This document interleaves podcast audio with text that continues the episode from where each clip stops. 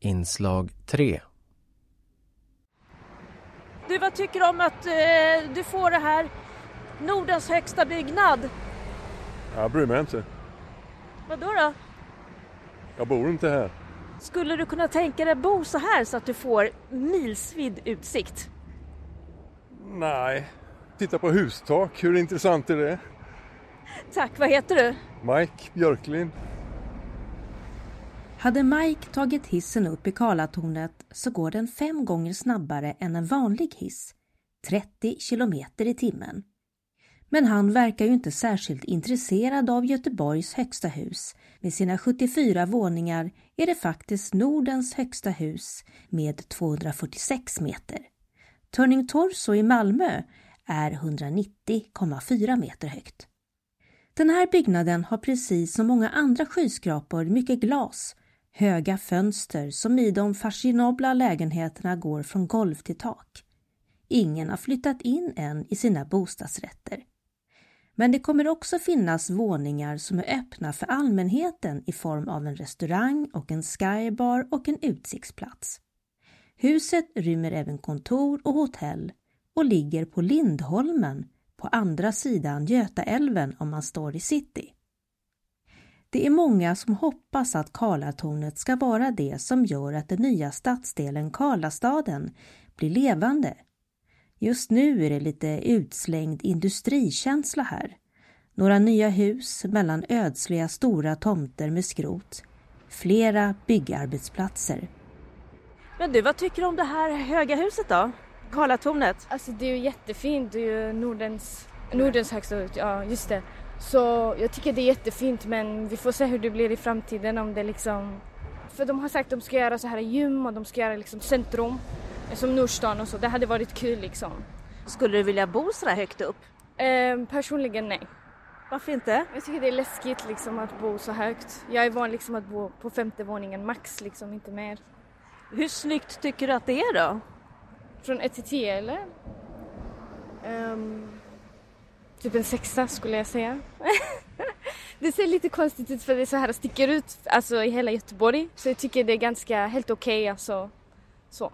Men ja, det är väl min åsikt så alla får tycka hur de vill. Så. Vad heter du? Sara heter jag. Karlatornet kommer rymma 611 lägenheter. Från de små ettorna längst ner till penthousen högst upp. Det är etagevåningar med upp till 8 meter i takhöjd. Och vissa lägenheter är nästan 400 kvadratmeter stora. För den största med vinterträdgård får du punga ut med 69 miljoner. Hur ser det ut då? Ja, det är designat av världskändisarkitekter Skidmore Owings and Merrill som står bakom några av världens högsta och mest spektakulära byggnader, till exempel Burj Khalifa i Dubai och One World Trade Center i New York. Nästan två tredjedelar upp i huset har det något som arkitekterna kallar twisten, en slags midja där skyskrapan vrider sig ett halvt varv runt sin egen axel. Och där någonstans så är huset inte helt solitt längre, utan man har gjort som ett slags atrium eller gårdsrum på insidan. Så här. Om man tittar ner på huset, det här har jag alltså sett på en modell, så kan man se huset som en fyrkant. De har skurit det i fyra lika stora delar och så har man gjort delarna lite smalare där de möter varann. På utsidan av huset är allt jämnt.